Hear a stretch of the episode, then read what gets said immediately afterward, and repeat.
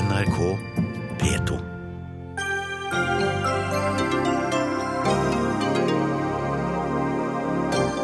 NSB bør deles i to og legges under hvert sitt departement. Det vil bedre tilbudet til trafikantene, mener NSB-sjefen.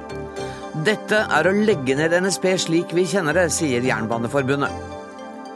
Elbilene sinker trafikken og skaper farlige situasjoner, mener NHO, og vil ha dem ut av kollektivfeltet. For tidlig å frata elbilene slike fordeler, mener Miljøstiftelsen Zero. Omstridt artist invitert til Nobelkonsert. Uforståelig, sier Aftenposten-kommentator om Morrises deltakelse. Og det er nettopp blitt klart at Italias tidligere statsminister Silvio Berlusconi har mistet plassen sin i den italienske nasjonalforsamlingen.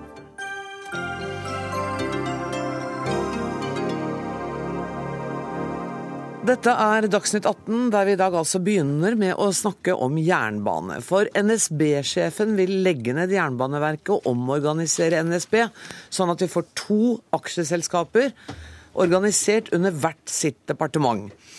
De reisende vil få et mye bedre tilbud, mener du, konsernsjef Geir Isaksen i NSB. Forklare litt hvordan dette skal se ut. Det jeg i hovedsak har sagt i dag, det er at vi opplever en veldig sterk vekst i antall passasjerer på jernbanen. Og denne veksten tror vi kommer til å fortsette. Behovene øker kraftig. Og så sier jeg at for å møte det behovet, så trenger vi å organisere jernbanen annerledes i framtida. For vi må ha tydeligere ansvarsforhold vi må ha et klarere mål, og vi må ha en langsiktig finansiering av jernbaneutbyggingen og driften. Og Det tror vi må skje i en ny type organisering. Og Vi har skissert da en løsning med to aksjeselskaper som skal ha ulike roller i dette. Det er de jeg er interessert i. Fortell. Ja, Det ene vil være et uh, selskap som skal ha totalansvaret for jernbaneleveransen, sånn som vi ser det. Eh, og Det vil si at de skal drive den langsiktige planleggingen. De skal drive utbyggingen av infrastrukturen. De skal kjøpe inn materiellet, i hvert fall beskrive hvilken type og hvilken mengde materiell vi skal ha. Og de skal sørge for at vi har en tilstrekkelig organisering rundt dette, slik at jernbanen kan oppfylle sine mål. Og de skal ha ansvar for skinner og sviller og alt det der. Alt, alt sammen. Så grovt sett dagens jernbaneverk? Grovt sett? Nei, med tillegg at de får ansvaret for at leveransen skjer. For det som plager folk, og plager både oss og Jernbaneverket i dag, er at det er uklare ansvarsforhold rundt dette. Hvem er det man skal skylde på når toget ikke går? Ok, Vi kan ta det etterpå. Men dette er ene, det ene aksjeselskapet. Ja. Og det skal da være organisert under? Det skal være organisert under Samferdselsdepartementet. Nettopp. Og det skal være et rent statlig aksjeselskap med sine oppgaver definert fra Samferdselsdepartementet. Nettopp. Og så den andre biten. Ja, og da er det en del aktiviteter som i dag er i NSB, som ikke tilhører en sånn type organisering, som er konkurranseutsatte virksomheter, som ikke bør inn, eh, ligge inne i et selskap som har denne type mer forvaltningspregede oppgaver. Og Da er vi opptatt av at man skiller forretning og forvaltning, og at de forretningsmessige virksomhetene, de som er konkurranseutsatt, har en egen eier og egen, en egen organisering rundt det. Derfor det skal de til Næringsdepartementet. Ja. Og Hva skal oppgavene være i dette mer kommersielle selskapet? Det er å være med og konkurrere i de bransjene som de er i i dag. Vi har et busselskap, vi har et kargoselskap, uh, altså gods på jernbane. Mm. Vi har et uh, vedlikeholdsselskap for tog osv. De, de må finne seg i å konkurrere om oppdragene som uh, andre selskaper. Ikke sant, Så der er det snakk om å konkurranseutsette noe? Nei, de er i konkurranse allerede i dag. Det er bare at de er blanda inn i dag i et NSB som delvis er i konkurranse og delvis ikke er i konkurranse. Så det er ganske komplisert struktur vi har i dag. Ja, du, jeg synes, men jeg syns det var vanskelig det som jeg så på din powerpoint i dag også. Men, men ligger det i grunnen her at det har vært et vanskelig samarbeidsforhold mellom NSB og Jernbaneverket?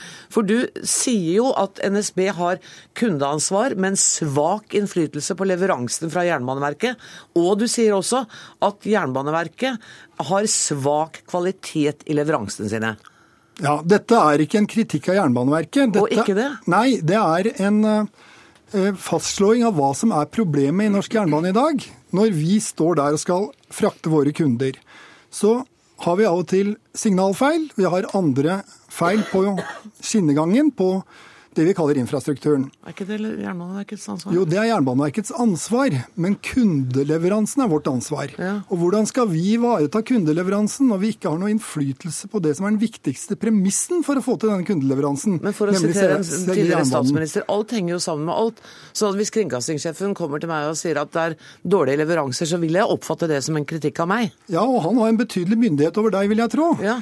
Men jeg har ingen myndighet over Jernbaneverket. Og det som er vår idé, er at det må være én ansvarlig for denne leveransen. Og det vil være en sammenslåing av deler av Jernbaneverket og NSB som skal stå ansvarlig, og det er de som skal fram på teppet hvis ikke dette fungerer. Og det som ligger i bunnen av hele dette, er at vi reisende skal få bedre tilbud. For du innrømmer også at det er for dårlig i dag. Ja, jeg sier at det er dårlig i dag, selv om jeg syns vi har gjort en god jobb i å øke antall passasjerer med 8% det siste året. Men det skal bli bedre, og vi ser jo at det er et behov for å bygge ut jernbanen i veldig stor grad. Det er alle politiske partier enige om. Men da må vi organisere det slik at vi får en best mulig sjanse til å gjøre dette ordentlig. Og Det tror vi må gjøres i en sånn organisasjon, eller noe lignende som det vi har foreslått i dag. Geir Isaksen, jeg vil gjerne at du skal sitte her. Jeg er helt klar over at du ikke skal diskutere med statsråden, men Ketil Solvik-Olsen, eh, jeg må i hvert fall høre din første reaksjon. Hva, hva syns du om dette forslaget? Jeg eh, skal lytte til alle aktørene som jeg har ansvar for på jernbanen. Både Jernbaneverket, NSB, eh, de som jobber der, eh, og de som fører tilsyn. Men før jeg ble statsråd, så fikk jeg en sånn advarsel fra politisk konkurrent at å, dere er systemkritiske, dere i Frp, men bare vent til dere treffer byråkratiet, så blir dere slått til taushet. Tvert imot. Det jeg opplever, det er jo at det er masse sånn som vi hører fra NSB, som har ideer og tanker om hvordan en kunne gjort ting på en annen måte for å gitt et bedre tilbud til de reisende i dette tilfellet, fått mer igjen for pengene, altså mer respekt for skattebetalerne. Så jeg sitter jo bare her og gleder meg over den entusiasmen som en ser fra NSB, for folk vi treffer i Jernbaneverket, fra mitt eget embetsverk. Og jeg ser bare hvilke muligheter vi har hvis vi bruker alle disse gode innspillene, velger de rette og klarer å omorganisere jernbanesektoren så du får mer fornøyde ansatte, bedre regularitet på leveransene, mer gods over på jernbane og flere som reiser med jernbane inn og ut til byene. Og at du bare får innflytelse over det ene av disse selskapene, det bekymrer deg ikke veldig? Jeg representerer en del av en regjering. Vi må slutte å ha en sånn kamp mellom departementene. Hvem skal styre? Det er jo helheten okay, som betyr noe. Det er jo derfor vi har tatt inn havneansvaret til Samferdselsdepartementet, for at vi skal tenke samferdsel i en helhet. Det er derfor vi har fått en bredbånd, istedenfor at det har sittet liksom, vært fordelt sånn at alle har ca. like mye. Men det viktige er jo at du har det som hører sammen på ett sted. Eh, om det blir sånn som NSB foreslår her, ja, der er det ingen knytninger fra min side. Men jeg syns det er kjempebra at den debatten òg kommer fra de eh, selskapene og etatene som skal være med i en sånn omorganisering. For da, vi, da, da ser vi at de, de selv ser en endringsbehov og vilje. Og så får vi enda flere gode ideer å plukke ifra. Men hvordan er liksom prosessen videre nå? Behandlingsprosessen. Hva skjer med dette forslaget? Nei, Dette er jo et, et, eget initiativ fra NSB.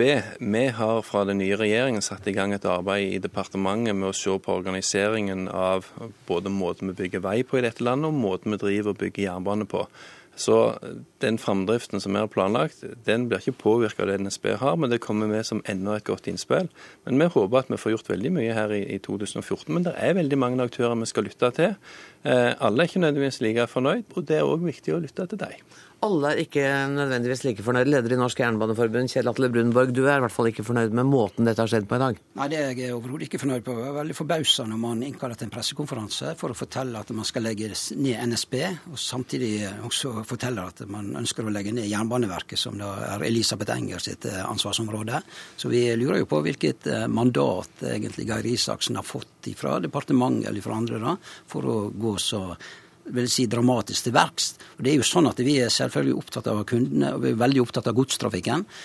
Men da må vi ha fokus på å vedlikeholde jernbanen. For det blir ikke liksom mindre sånn feil på jernbanen eller mindre materiell i NSB ved å legge ned to selskaper og dermed opprette to nye selskaper. Kan vi ikke bare fort få en avklaring på uh, hva slags klarering du hadde fått fra departementet før du gikk ut i pressen med det uten å snakke med de ansatte?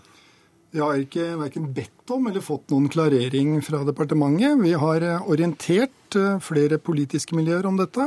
At vi har arbeidet med denne type ideer. Og det har vi også orientert eh, våre ansattes representanter om. Så de er nok ikke helt ukjent med at vi har arbeidet med disse ideene. Vi har funnet det riktig å gå ut å beskrive en mulig omorganisering av jernbanen med det siktemål å få det bedre for våre kunder, at det skal leveres bedre til passasjerene.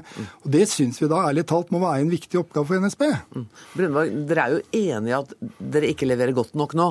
Vi er enige i at eh, jernbanen ikke leverer godt nok, men da må vi ha fokus på det som skal til for at han skal levere godt nok. og Det er en eh, vedlikehold på infrastrukturen som har et stort etterslep. Og så må NSB få enda flere vogner, slik at folk ikke må stå i lokaltrafikken. Det er det som er viktig, og det løser ikke man ved å legge ned to bedrifter for derved å opprette to nye selskaper. Det kan vi løse på andre måter. Eirin Sund, du er stortingsrepresentant og sitter i transport- og kommunikasjonskomiteen for Arbeiderpartiet. Du er også skeptisk til dette forslaget? Altså, jeg jeg syns det er veldig bra at NSB, jeg synes det er bra at NSB faktisk tar tak i utfordringen. For at vi har en situasjon og et tilbud som ikke er, godt, er gode nok i dag. Og det er noe som kundene opplever på jernbanen hele veien. Og da er det noe med at vi må gjøre et eller annet. Vi er nødt til å bli bedre. Men så er spørsmålet hvordan blir vi der, og hvordan kommer vi der vi skal? Og da kan det godt være at det er en ny organisering vi skal gjøre, men det kan òg være at vi muligens skal gjøre noe med den organisasjonen vi har i dag. For det er litt sånn, som egentlig alle innrømmer her, så er det noe med at vi ser jo at til og med i dag så er det uhensiktsmessig med den oppsplittingen som foregår i dag, der det er ulike selskap som òg gjør det komplisert. Og da blir det en manglende helhet uh, i, og, si, i, sammenhengen.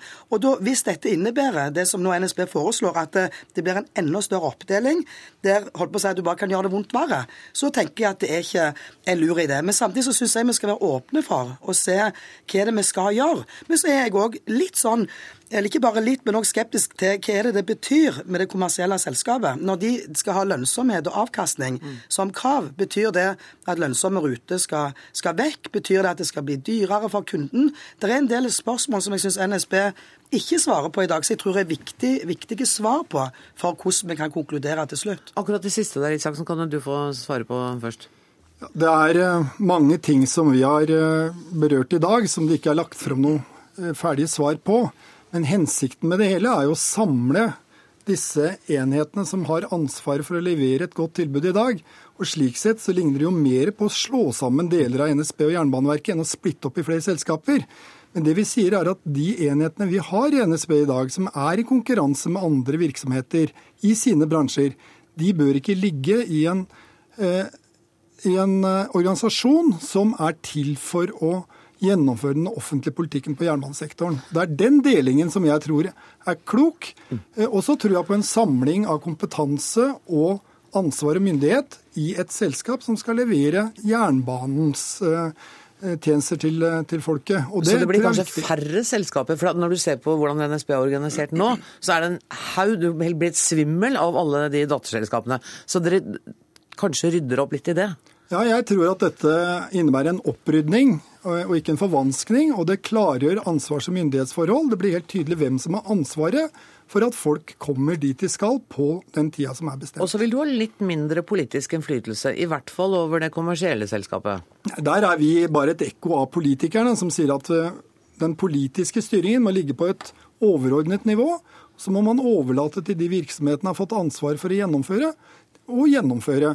Da kan man ikke hoppe inn og ut av smådetaljer i dette. og det, det er jo et, eh, kanskje en litt provoserende tanke for politikerne, men den kommer faktisk fra dem selv. da. Mm. Solvik-Olsen, er det deilig å ha en konsernsjef som er et ekko av politikerne? Jeg forventer at vi har en konsernsjef som gjør det politikerne beslutter når alt kommer til alt. Er du enig i at det er politikerne som skal ha det overordnede, og at detaljstyringen i for stor grad at de politikerne i for stor grad har blanda seg inn i det. og bør overlate det til dem som driver det. Ja, Den betraktningen er jeg enig i. Okay. Og Det er òg litt av tilnærmingen til denne regjeringen. At vi ønsker å gi mer overordna signal om hvor vi vil, hvilket prinsipp som skal ligge til grunn. Men så skal fagfolk, uavhengig om det handler om å drive jernbane, bygge vei, drive sykehus, få lov til å gjøre beslutninger. Det har vært for mye detaljregulering. og Det betyr at det går mye politisk energi vekk i, i detaljer istedenfor de store visjonene. Og Det betyr òg at det blir altfor mye rapportering opp og ned og fram og tilbake, som gjør at de flinke byråkratene blir drukna i et byråkrati som ingen av de liker, og det kan vi gjøre noe med. Og Så har vi varsla i regjeringsplattformen at vi vil se på forholdet mellom NSB og Jernbaneverket. Jeg opplever jo ikke at det NSB her foreslår er å rasere to selskaper og dikte opp noe helt nytt, men det handler om å fordele oppgavene litt annerledes, nettopp for å få klarere strukturer. Og Det er òg eh, visjonen vår. I dette så betyr jo ikke det at det vil bli mindre vedlikehold. Det handler litt om hvor mye penger vi bevilger, og hvordan vi organiserer Jernbaneverket og de som utfører vedlikehold. Og Der har denne regjeringen styrket vedlikeholdet i jernbanen. Så må vi se hvordan du får mer igjen for pengene, der vi må kjøpe persontransport, og der dette står på egne bein. Men, men det vil ikke være tvil om at det, at det må ikke bli slik at uh, det er bunnlinja bare som teller, sånn at de ulønnsomme strekningene øyeblikkelig blir lagt ned? Der har en jo fra både denne regjeringen og fra tidligere regjeringer sagt at der det står på egne bein, så er det bra. Men der det er viktig å ha transport, men som ikke er lønnsom, så kjøper staten tjenester for å opprettholde tilbudet. Så Et kort ting... nei hadde klart seg som svar jo, på det. Nei, men Det er bare for å sette det i en historisk sammenheng som viser at sånne ting har en løst. Eh, både på jernbane, på luftfart og på Posten. Og da har du kanskje litt ubegrunna bekymringer? Eh, nei, nei, jeg har ikke. Altså, nå, nå mener ikke jeg at, eh, det, at en politisk har tidligere heller drevet detaljstyrt. For jeg tror faktisk at det har noe med uklare holdt på å si, ansvarsforhold og uklare linjer i de organisasjonene som finnes. Men, men, jeg sier at vi er åpne for å diskutere det. Men samtidig er det med at jeg ser jo òg i den pressemeldingen og, og hører NSB i dag, at de legger òg til rette for at vi har fått en ny regjering. Og de legger til rette for holdt på å si, økt konkurranse på sporet. Der òg et stort spørsmål. Betyr dette at vi nå skal ha en storstilt konkurranseutsetting på sporet? Altså med et bitte lite land med veldig få folk. Begynte dere med denne utredningen etter at vi fikk en ny regjering? Du, Nei, denne utredningen begynte egentlig for halvannet år siden i forbindelse med våre innspill til Nasjonal transportplan hvor vi var opptatt av at vi kunne utvikle tilbudet i takt med den etterspørselsveksten som vi ser, altså den store befolkningsveksten. Og så har vi i det videre arbeidet sett på organiseringen vi har selvfølgelig hatt et blikk på hva sier de politiske partiene, og noen av dem er veldig opptatt av at det blir en konkurranse også på jernbanen. Mm. Det må skje på en kontrollert og god eh, måte, slik at ikke det skaper kaos. Jeg Beklager hvis jeg stresser litt nå, men jeg, ja. vil gjerne tilbake til det som Brunberg sa. for Han mener at løsningen her er bedre vedlikehold, flere vogner og flere sitteplasser. Ja, Det er vi helt enige om. Ja, Men kunne du ikke bare gjort det, da? Nei, vi klarer ikke det på en ordentlig måte i nåværende struktur. Vi trenger tydeligere ansvars- og myndighetsforhold, slik at det er helt klart hvem som sitter med ansvaret, og at man kan gjennomføre disse arbeidene på den beste mulige måten, uten ulempe for våre passasjerer og med langsiktig, en langsiktig finansiering i bånn, som gjør at vi kan jobbe etter en plan på lang sikt. Jernbanen er en langsiktig virksomhet og må ha langsiktige rammebetingelser. Hva koster den omleggingen hvis den skulle bli ja, Den tror jeg er veldig billig, men okay. tenk på at vi i 2018 i Nasjonal transportplan fra den forrige regjeringen har lagt inn 20 milliarder kroner for å drive jernbane og utvikle jernbane i Norge. Det er veldig viktig at de pengene blir brukt fornuftig. Og, og det er, det er jo Brunborg enig i? Absolutt enig i det. altså, Men det er klart at jeg syns det er litt å ta det litt for lettvint når man sier at man har ikke noe ansvar i dag. Jeg syns det er et klart ansvar. Jernbaneverket har ansvar for infrastrukturen og for at signalene virker når de skal. og og eh, NSB har ansvar for togene oppå det. Jeg syns det er veldig klare ansvarslinjer. Problemet er ikke det. Problemet er at det har vært altfor stort etterslep på vedlikeholdet. Og vi har for få vogner i NSB. Det er jo det som er problemet. Men det, det løser ikke du ved å organisere dette på nytt. Dere vi... trenger i hvert fall å snakke litt sammen på Thomas for å avklare noe uenighet. Men, men statsråd, du sier at dette er ett av flere innspill i totale, det totale arbeidet dere gjør med utviklingen av jernbane. Når ser du for deg at vi kan se konkrete resultater av det arbeidet? Jeg håper at vi kan i hvert fall avklare veldig mange ting i løpet av 2014. Dette er jo ting som må innom Stortinget for å få beslutninger. Eh, det vil ta tid å gjennomføre det rent praktisk. Men eh, arbeidet med å skissere ut vår retning, eh, finne ut hva av NSB sine innspill er gode, hva kommer fra Jernbaneverket for andre, det pågår for fullt. Og det som er gledelig, er jo at når jeg åpna skuffen i, i, på skrivebordet mitt på mitt nye kontor, så fant jeg jo mange utredninger fra den rød-grønne regjeringen. Ikke fra regjeringen, men fra embetsverket. Men som av den rød-grønne regjeringen ble skrinlagt. Men som vi tar opp, kikker på og ser at dette er faktisk mye gode ideer for den som ønsker å forbedre ting og tenke litt nytt. Og Derfor tror jeg at vi kan gjøre veldig mye ting raskere enn det vi selv forespeilte oss. Fordi at utredningene er gjort, og da er det rett og slett handlekraft som har mangla. Du, Man må være politiker for å være glad for å finne en skuff full av utredninger. Men altså, det tar, vi ikke. det tar vi ikke akkurat nå. Jeg må si tusen takk for at dere kom til Dagsnytt 18. Jeg er Geir Isaksen, Kjell Atle Brunborg, Ketil Solvik-Olsen og Eirin Sund. Hør Dagsnytt 18 når du vil, på nettradio eller som podkast. nrk.no – dagsnytt 18.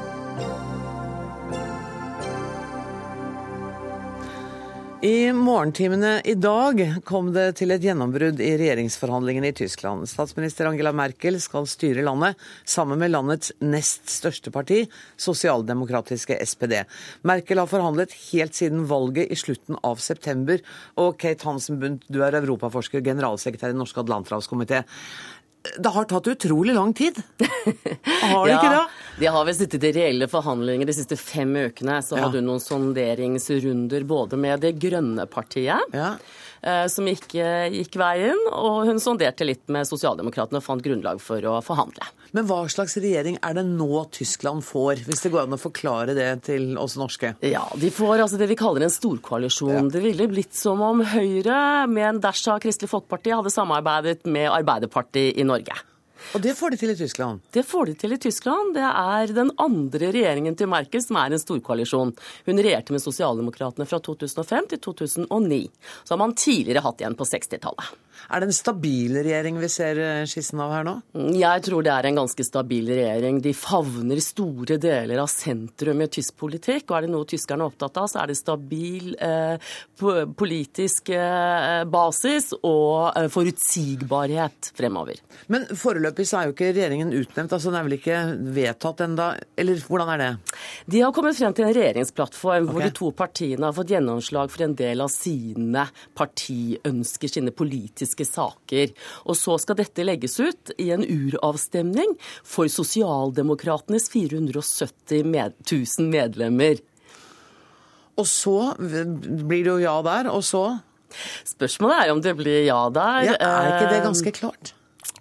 Det er ikke helt klart. Man vet aldri hva partimedlemmer eh, gjør. Og det er jo litt pussig at det er Sosialdemokratenes partimedlemmer som skal avgjøre dette, fordi Kristeligdemokratene med Merkel i spissen fikk 41,5% oppslutning, mens Sosialdemokratene kun fikk 25,7 Så at de skal avgjøre hele regjeringsspørsmålet er jo litt spesielt. Men hvis 20% av medlemmene stemmer ja, så får vi altså en storkoalisjon.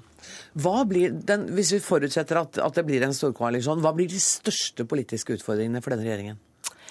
De har allerede fått ganske mye på plass i denne regjeringsplattformen som ligger der. Sosialdemokratene gikk til valg på større sosial utjevning, tradisjonell sosialdemokratisk politikk. De ønsket lovfestet minstelønn på 8,50 euro for eh, alle tyskere, uansett hvilken delstat de bor i.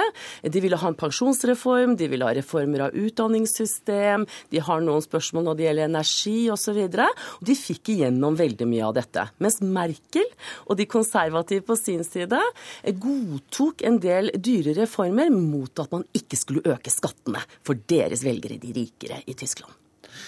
Og Angela Merkel er den ubestridte leder. Det er ingen som truer hennes posisjon. Ikke som kansler. Hun går inn i sin tredje periode som kansler. Hva er det ved henne som gjør at hun er akkurat den lederen Tyskland vil ha? Ja, Nå er det jo kommet en seks-syv bøker bare i høst om mysteriet Angela Merkel.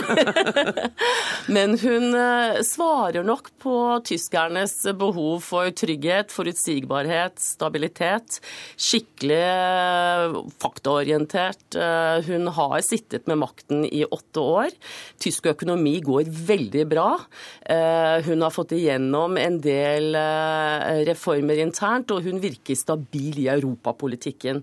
Ikke glemme at EUs eurokrise ligger bak som en skygge når tyskerne velger, fordi det er tyskerne som er nødt til å løfte det tøffeste taket der. Og Angela Merkel har på mange måter både forsvart tyske skattebetaleres interesser og fått til en stabil uh, utvikling. Og det at hun har uh, gått i en liten klinsj med USA og president Obama, det svekker henne ikke, kanskje snarere tvert imot? Det svekker henne på ingen måte. For jeg tror uh, tyske velgere i dag er veldig opptatt av en kansler som ivaretar tyske nasjonale interesser, til forskjell fra hva man hadde i etterkrigsperioden, hvor Tyskland på en måte skulle ligge litt sånn bak og uh, ikke, ikke, heve sin røst. Så ønsker man en kansler som ivaretar deres egne interesser i større større. Så det vi ser er et sterkt og tydelig Tyskland også de neste fire årene? Et sterkt og tydelig Tyskland, tror jeg, hvis da sosialdemokratiets eh, medlemmer ønsker dette. Men eh, jeg vil vel vedde på at de gjør det. Tusen takk for at du kom til Dagsnytt 18 i dag, Kate Hansen.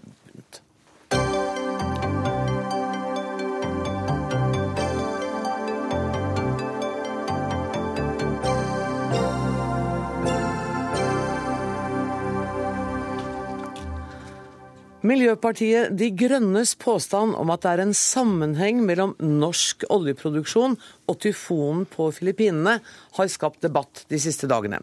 Norsk olje og gass mener det er uhørt å slå politisk mynt på tragedien på Filippinene.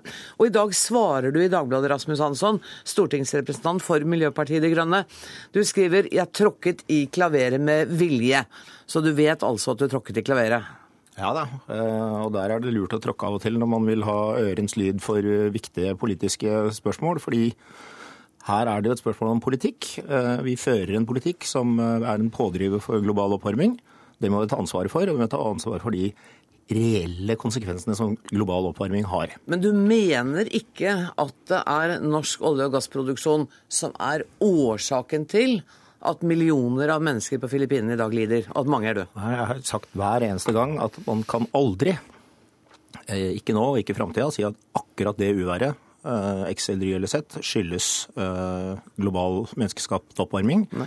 Men det man like sikkert kan si, og som FNs klimapanel sier, og som eh, den ene forskningsrapporten etter den andre sier, er at det blir mer uvær av alle mulige sorter. Varmebølger og flommer og også orkaner og stormer.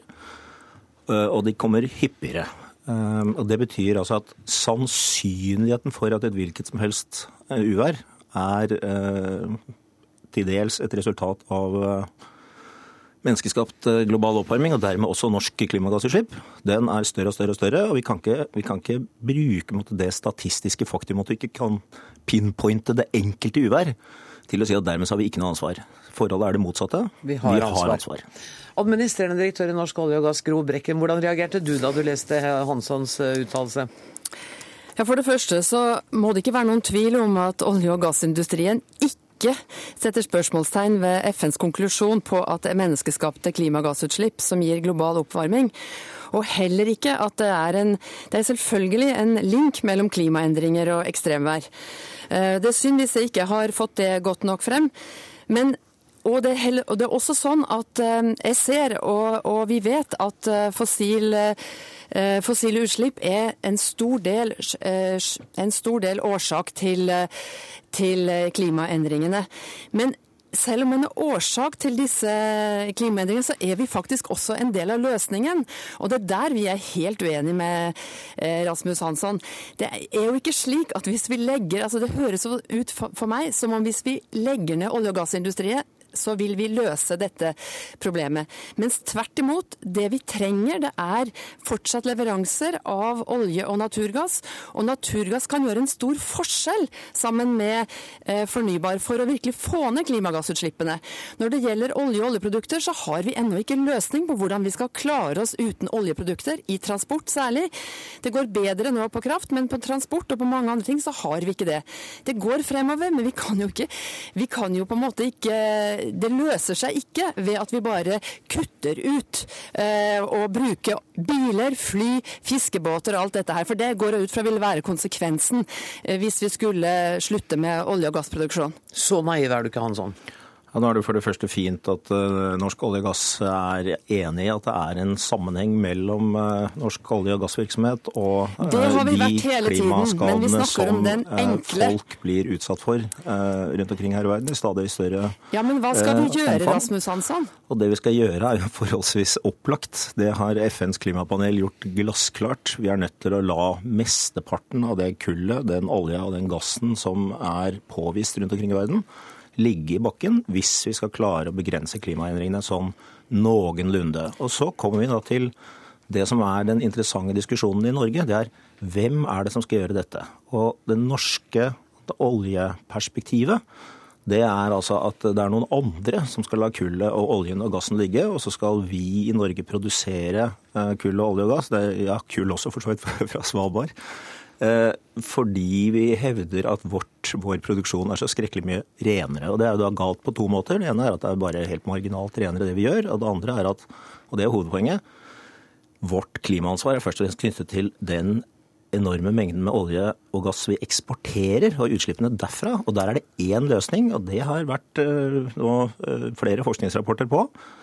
Løsningen er vi må produsere mindre, og derfor så går Miljøpartiet De Grønne havnet på Stortinget. Fordi vi går jo, ja, inn for at vi skal begynne å trappe ned olje- og gassvirksomheten. Men, men hørte ikke du at Gro, jeg hørte i hvert fall Gro Brekken si at gjennom forskning og utvikling så vil altså norsk ø, olje og gass være et bidragsyter til en løsning på problemene. Ja, det Var det ikke det du sa, Gro Brekken? Jeg sa det, og så sa jeg også at vi er nødt til å få til naturgass. Eh, det Klimapanelet, Internasjonale energibyrået, sier at selv i 2050 så vil en tredjedel av den energien vi bruker, være olje og gass. Sånn vil det være. Enten så aksepterer en det, eller så aksepterer en det ikke. For vi har ikke noen gode løsninger på de utfordringene som er. Særlig innenfor transport, og innenfor det som vi nå bruker på telefoner, mobiler og alt det vi ellers omgjør oss med, som også er olje- og gassprodukter.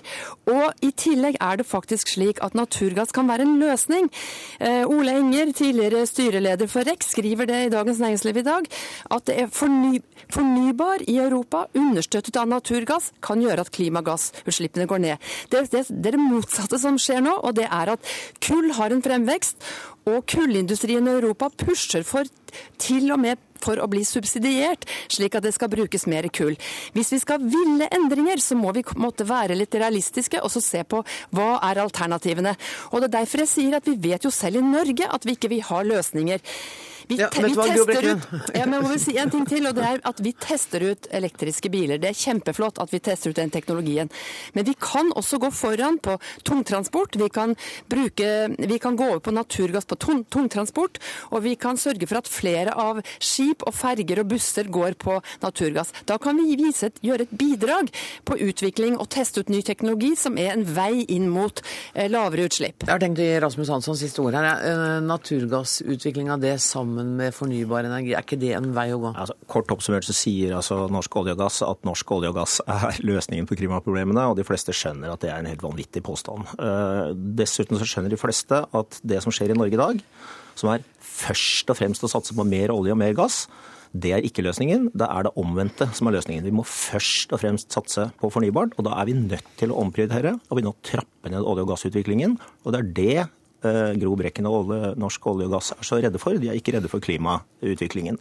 Det er altså omprioriteringen som er nødvendig, og det må og jeg er nødt til å sette strek der. Altså, er, jeg er ikke overrasket, men dere ble ikke enige i dag heller. Men jeg må si takk til dere, Rasmus Hansson og Gro Brekken.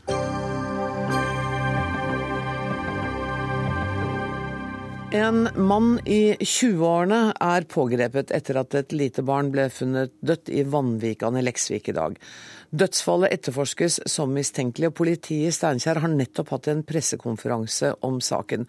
Reporter Karin Jektvik, hva kunne politiet fortelle? Ja, Det er altså barnefaren til det barnet som, er, som nå er pågrepet og er sikta for legemsbeskadigelse etter eh, at et lite barn ble funnet dødt i, i Leksvik i dag. Det var legen som meldte om dødsfallet til politiet, og årsaka var omstendighetene på stedet. Politiet kan ikke si noe mer om hva det her dreier seg om. Og politiet vet også lite om det her paret, altså mora og faren til, til, barnet, men fortalte på pressekonferansen at barnevernet ba om hjelp fra politiet i går. Men at eh, forespørselen ble trukket tilbake, og at barnevernet hadde tatt hånd om saken. Politiet har ikke sagt noe om eh, hva det her handler om. Sa nå, ja. Nei, vær så god. Ja, Tre etterforskere fra Kripos er nå på vei til, til Leksvik for å bistå politiet i Nord-Trøndelag. Sa politiet noe om hvordan de vil etterforske saken videre? Nei, også De, de etterforsker bredt, og de, de, har satt uh, mye ressurser på, på, saken. De har også fått, uh, fått hjelp fra kollegaer i, i Sør-Trøndelag. De har avhørt legen og vil også avhøre barnefaren i løpet av kvelden og også mor eh, når helsetilstanden hennes er god nok til at hun kan avgjøres. Tusen takk skal du ha for denne rapporten, Karin Jektvik.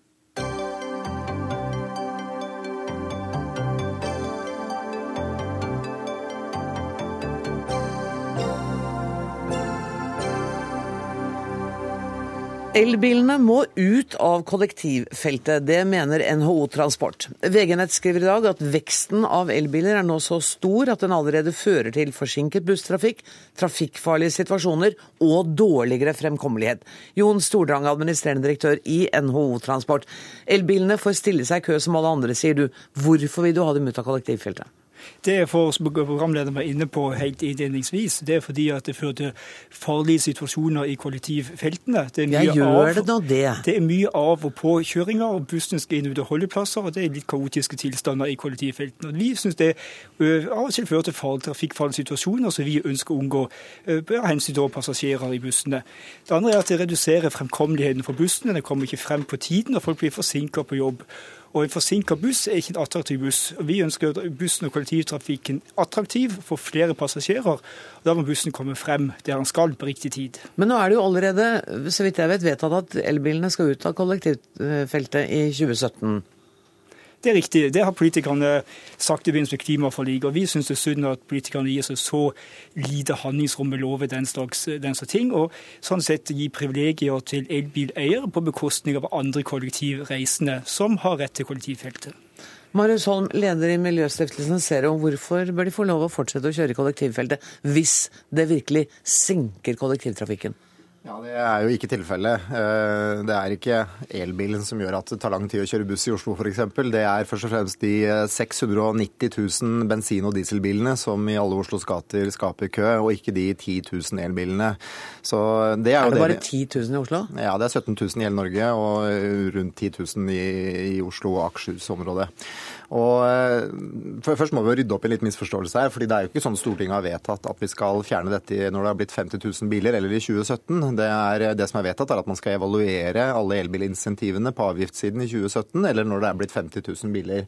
Og så har man sagt at eh, elbil, for, eh, elbil i kollektivfeltet må vurderes lokalt av Statens vegvesen i hvert enkelt tilfelle. og Det betyr at det, er helt uaktuelt å fjerne den generelle tilgangen for elbiler i kollektivfeltet i hele Norge, men det kan være aktuelt på én eller to strekninger hvor det, hvor det er tendenser til problemer. Men det som er viktig, er jo at elbilsatsingen er kanskje det aller mest vellykka eksempler på miljøpolitikk i Norge, hvor vi virkelig har fått det til. Vi har verdens høyeste elbilandel. Og det er det viktigste klimatiltaket vi kan ha i transportsektoren. Verdens høyeste elbilandel, og vi ligger på hva da, 1 ja, det er 1% av bilparken i Norge. Det er, sier jo litt om hvor langt vi har igjen. Uh, i, men likevel er altså det verdens beste elbilmarked. Og det, det at uh, Selv om Norge er et lite land, så er vi et av de aller viktigste markedene for de få bilprodusentene som har turt å satse på elbil.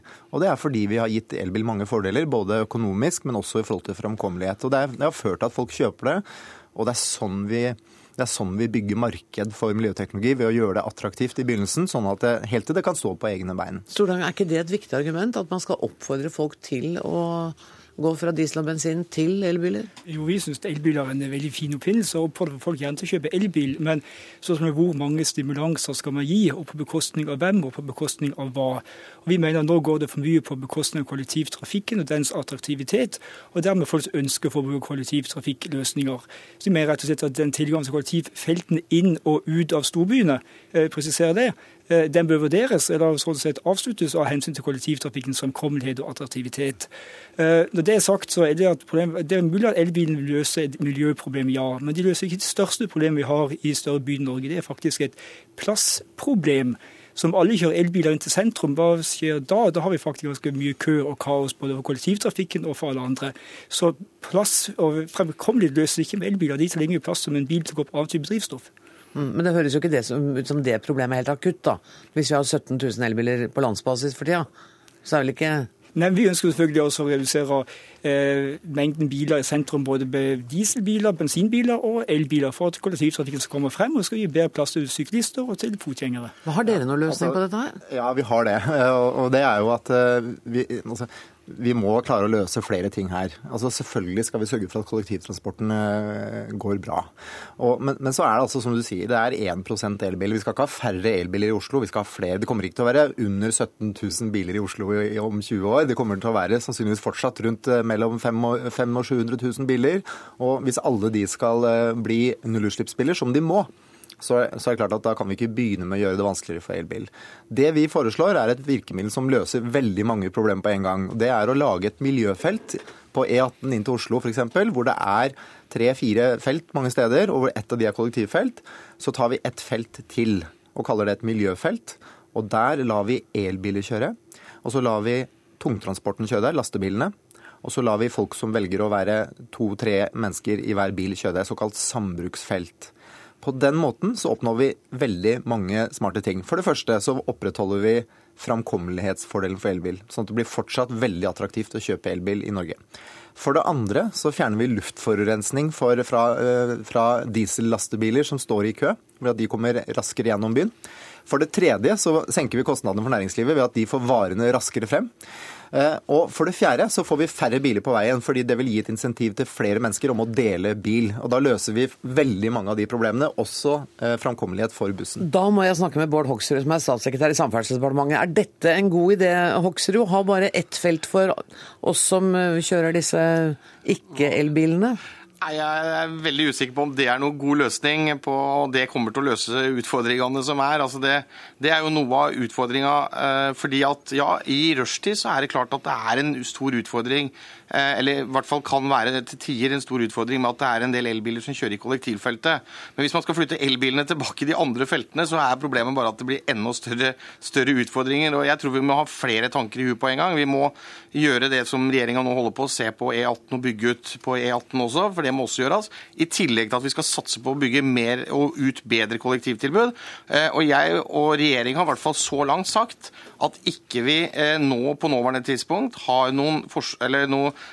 noe, ambisjon om å fjerne elbilen fra kollektivfeltet. Men jeg har veldig stor forståelse for eh, flere av de eh, utfordringene som Stordrange og bussjåfører kommer og sier at er blitt en problem. Men, men jeg, jeg, tror ikke det er så stort ennå at vi i hvert fall har tenkt å gjøre det. Og hvis man skal gjøre det, så har Stortinget vært veldig tydelig på disse kriteriene. og Derfor må, vi, må også Stortinget være med i denne diskusjonen. Og regjeringa vil selvfølgelig også være med ja. når vi kommer dit. Ja, jeg skjønte at ikke du skal bestemme det helt alene. Det, det begrepet jeg. Men, jeg, men hvordan, hva tenker du om forslaget om et Når dere, når dere nå skal bygge ut uh, trefeltsvei til fire- eller femfeltsvei, kunne det ene vært en kollektivfil, det andre en miljøfil, og så to til noe annet? Nå er jo i hvert fall En av utfordringene at på den ene veien så er det jo nesten ikke kollektivfelt i det hele tatt. så Der må vi sørge for å, hvert fall, å jobbe for å få på plass det. Og I fjor så klarte vel regjeringa å få på noe, plass noe sånn som under tre km kollektivfelt. Så det er ikke tvil om at der har vi en stor utfordring, og det må vi ta på alvor. og Det jobber vi med å se på hvordan vi kan klare å få til bedre. Stordrangen, du er statssekretæren, er ikke villig til å gjøre noe med elbilsituasjonen akkurat nå, i hvert fall? Vi synes det, det er positivt at man signaliserer mer kollektivfelt, det er vi veldig for. Men vi er veldig opptatt av at bussen skal være attraktiv. Og vi tror at det å satse på buss, som tross alt frakter flere mennesker inn til Oslo hver dag enn det NSB gjør med sine tog, skal komme frem. Hvis bussen kommer frem, så blir det mer fornøyde passasjerer og flere passasjerer. I tillegg kan den samme bussen da kjøre flere runder i løpet av en dag, som får mer kollektivtrafikk for pengene og mer høyere kostnadsøkonomi. Og Jo flere som tar buss, som det påpekes her, jo mer plass blir frigjort til annen type transport, f.eks. varetransport som per dag står stang i kø, og, for, og skaper høyere kostnader for norsk næringsliv. Ja, jeg, jeg, tror vi har grunnlag for en veldig stor enighet her, alle tre. fordi eh, det forslaget som Zero har, det løser jo alle utfordringene til eh, kollektivtransporten. Og det, ikke helt ser, sikker på det, men Jo, det gjør det. Du, du får, da vil du rett og slett få, få fire fluer i én smekk. Du får altså både mindre, mindre biler inn til byen, bedre plass i byen, du får framkommelighet for både elbil og kollektivtransport, og ikke minst for varetransporten. Så Det jeg, jeg syns er positivt med Bård Hoksruds signaler her nå, er jo for det første det at han sier at det ikke er modent for å fjerne denne rettigheten nå. Men det vil komme et punkt hvor jeg vil bli enig med Stordalen og si at nå er det et problem for bussen at det er for mange elbiler der. fordi hvis vi lykkes, så blir det jo flere og flere. Og da vil Hoksrud være med òg? Ja, og derfor så må vi nå begynne å planlegge en forsøksordning på nye måter å gjøre dette på. Det må vi sette i gang så fort som mulig, før vi blir tvunget til å kaste elbilen ut av kollektivfeltet. Hoksrud, jeg regner med at du er fornøyd med at du var med i Dagsnytt 18 i dag? Det var veldig hyggelig, vet du. Takk for det. Tusen takk skal dere ha. Takk til Jon Stordrange, takk til Marius Holm og takk til Bård Hoksrud.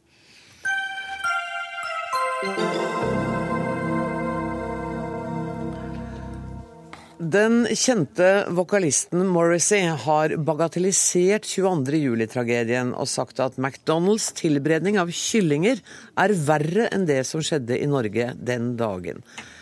Det har skapt reaksjoner at Morrissey nå blir en av hovedattraksjonene på årets Nobelkonsert. Journalist og kommentator i Aftenposten Joakim Lund, du skriver i en kommentar i dag at du opplever det som uforståelig at nettopp Morrissey skal opptre på fredspriskonserten. Hvorfor det? Ja, For det første så handler det ikke om uh, musikken hans. Uh, Morrissey har vært uh, soundtrack til mye av min ungdomstid. det handler heller ikke om, om tingene han står for. Og jeg har skrevet mye om dyrevelferd og støtter den saken. Det handler om retorikken hans, for den er drøy i mange tilfeller. Du skriver også at hadde jeg vært arrangør, ville jeg vært nervøs for flere ting. Ja, altså han er, han er jo totalt uberegnelig. Han kan jo si hva som helst fra scenen. På en sånn arena så har man da veldig mye av verdens oppmerksomhet mot seg. og Det er en god anledning til å rette søkelys mot sin sak. Har han, har han, sagt andre ting som er like grove som de han har sagt om sammenligningen mellom 22.07. og McDonald's behandling av kyllinger? Ja, Han hadde f.eks. et utspill som handlet om sirkus i Kina, bruken av dyr i sirkus. Og da, da, kalt, da, sa han noe sånt som at det er vanskelig å se på kinesere som noe annet enn en laverestående rase. Så det er en gjennomgående retorikk som er veldig, veldig grov. Det er ikke en fredens mann, dette her. Og David Strømstad, du er ansvarlig produsent for Nobelkonserten. Var dette momenter dere hadde med da dere vurderte om dere skulle invitere? Ja, altså vi har jo lange diskusjoner rundt uh, hver artist. Jeg har bare lyst til å si først da, av at, uh, at å være helt enig med en del ting som Joakim skriver. at Uh, at, at Morrissey sier mye dumme ting innimellom. Og jeg må vel også si at av alle dumme ting han har sagt, så var vel dette om 22.07. det aller dummeste. Men vi tenker sånn at han er en kunstner.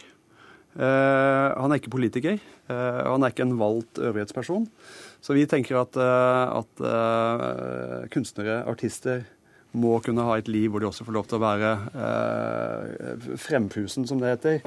Altså si ting eh, veldig åpent og ærlig. Men dette er jo ikke bare dumt, dette er grovt, og det er sjikanøst i forhold overfor mennesker som har lidd etter 22. juli?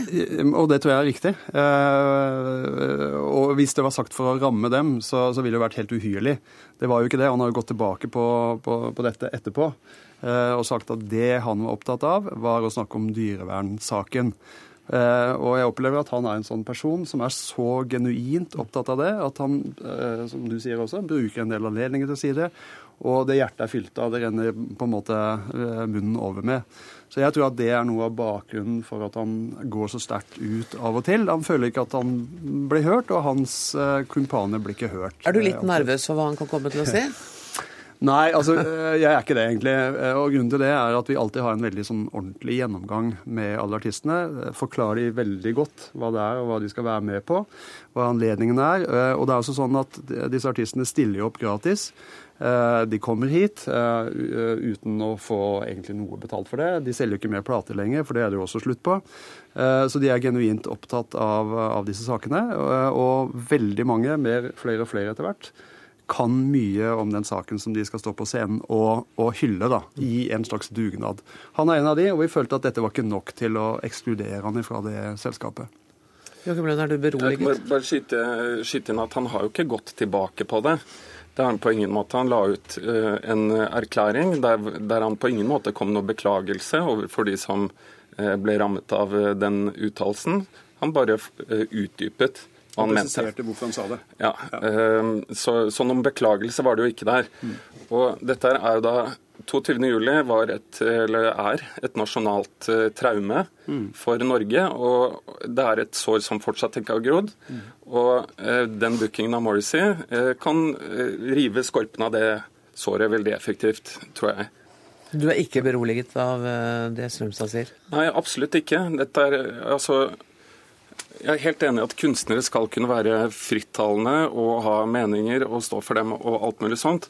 Morrissey har alltid hatt det, men han har gått fra å være en engasjert artist til å bli en gærning, rett og slett. Og det syns jeg ikke hører hjemme akkurat i den sammenhengen. Så din kritikk retter seg mot Odd Arvid Strømstad og de som har invitert ham?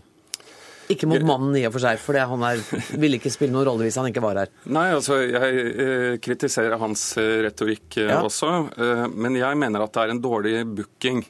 Eh, fordi alle spillesteder, alle festivaler, eh, alle, alle, sendinger av den typen her, de booker etter en slags eh, profil. og jeg mener, når man vet hva Morrissey står for, eller de metodene han bruker for å rette søkelys mot sin sak, så tenker jeg at han passer ikke inn. Det er en veldig veldig rar booking. Jo, Men samtidig så sier jo du at, at den konserten er kjent for sin siderumpa booking. Dette er jo i hvert fall ikke det, da? Nei, ja, det kan eh, Jeg tror det kan gå an å argumentere for at det er siderumpa også. Oh, ja, okay. men, men, altså, han er en fantastisk musiker, men han er jo ikke en musiker som man må ha akkurat nå. Han er ikke liksom på et sted i, i uh, nyhetsbildet som gjør at man absolutt må ha Morrissey akkurat nå. Uh, og det finnes mange andre å velge blant som ville passe mye bedre inn i profilen dere har. Men uh, det, det, finnes sikkert masse andre. Vi, vi, opplever bare at han er en, en, en, relevant artist, fordi at han er en veldig god kunstner. Mm. Eh, og han, han, var jo på en måte det, kanskje den store rockepoeten på 80- og deler av 90-tallet. Absolutt. Eh, og så har kanskje det falma litt, grann, det kan jeg være enig med deg men, men han er en relevant artist. Han har lyst til å delta. For det er jo sånn at de, de byr på seg selv, da. Eh, og Da mener jeg at vi skal ha ganske gode grunner med, med, den størrelsen som han har, til å si nei takk, vi er ikke interessert i deg. Fordi at uh, han har kommet med uheldige uttalelser. Og, og, og, alt dette tror jeg vi er helt enige om. Men det er noen som også tenker at dere kanskje er ganske kyniske i den bestillingen? Og tenker at Morrissey vil gi oss Det har vært litt uh, svekket oppmerksomhet rundt eh, Nobelkonserten. Han vil sørge for at vi får den. Ja, men det er litt både òg. fordi at uh, Nobelkonserten sendes i 80-100 land. Jeg vil ikke si at det er lite oppmerksomhet. Nei. jeg føler at vi kan være ganske stolte av det. Og det er bare fordi at vi har gode artister, og ikke, ikke av noen annen grunn. Så du kommer ikke til å avbestille ham? Ikke med det vi vet nå, i hvert fall. Da blir det nobelkonsert 11.12., da, med Morrissey. Eh, og så får Joakim Lund sitte og grue seg til den dagen. Men tusen takk for at dere kom til Dagsnytt 18, Odd Arvid Strømstad og Joakim Lund.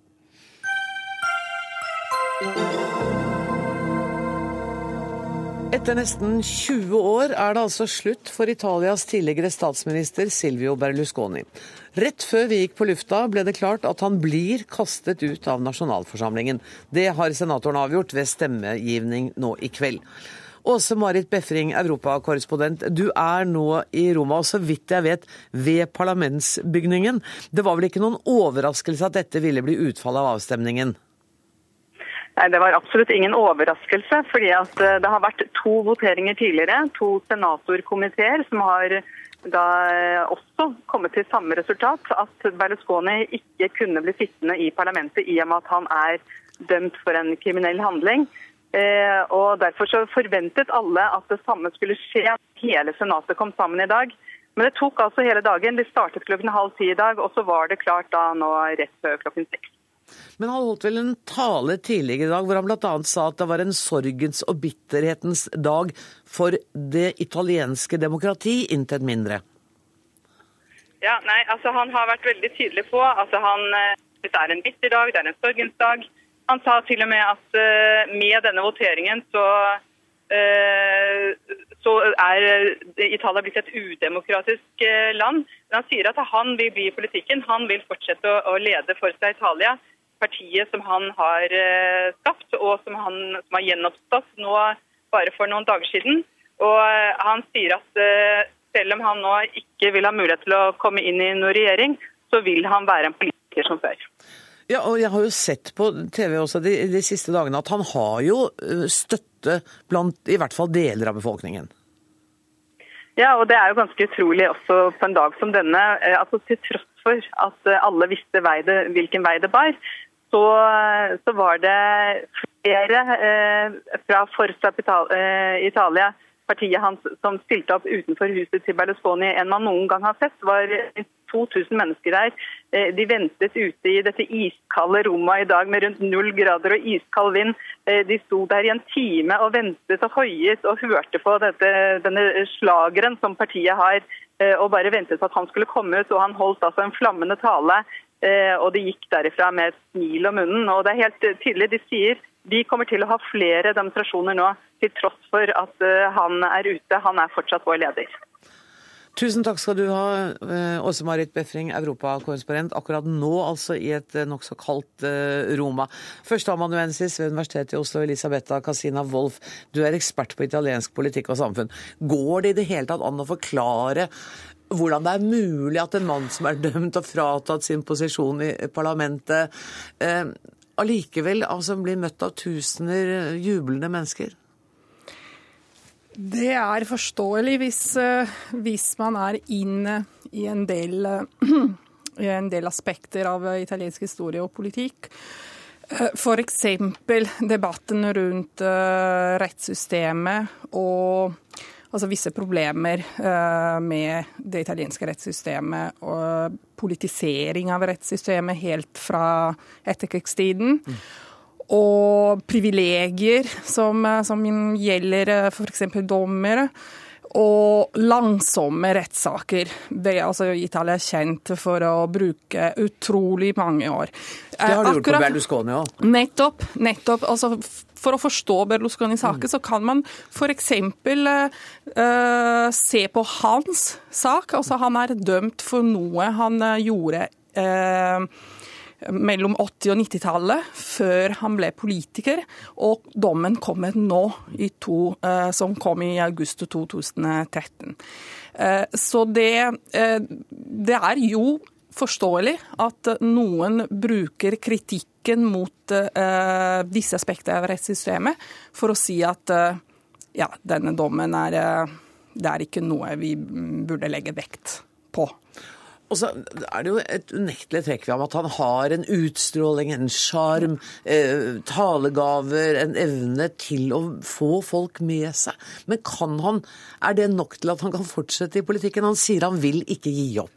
Han kan ikke fortsette i politikken rent formelt. Altså det er, Severino-loven sier at uh, hvis man blir utenstengt av uh, parlamentet pga. kriminelle handlinger, i dette tilfellet er skattesnytteri, så er man utestengt fra uh, offentlig verv i seks år.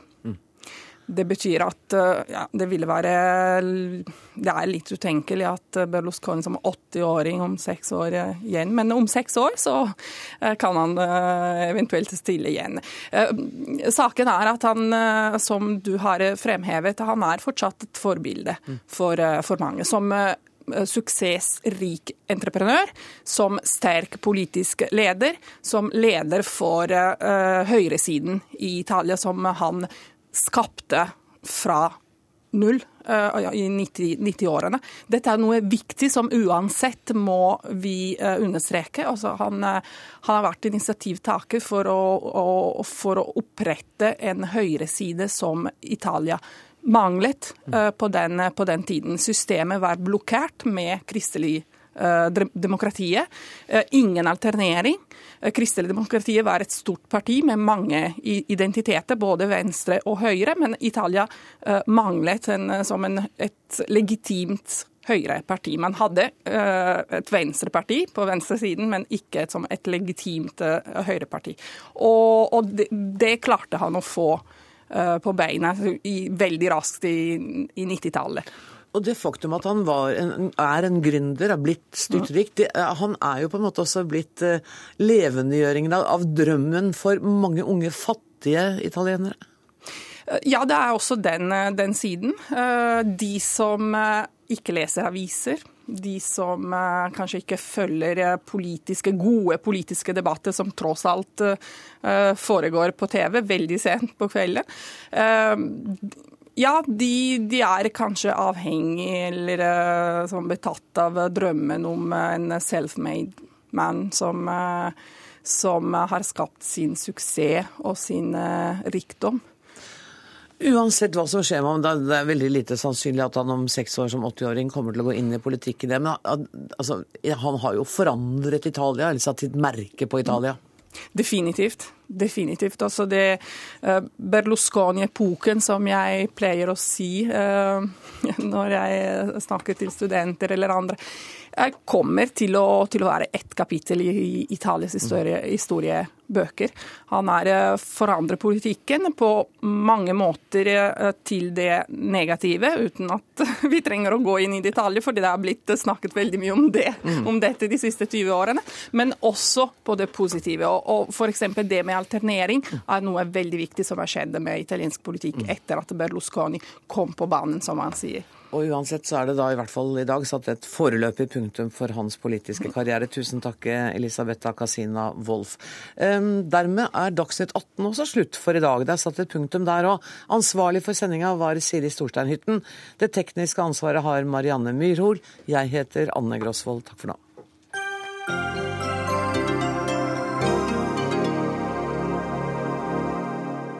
Hør flere podkaster på nrk.no podkast.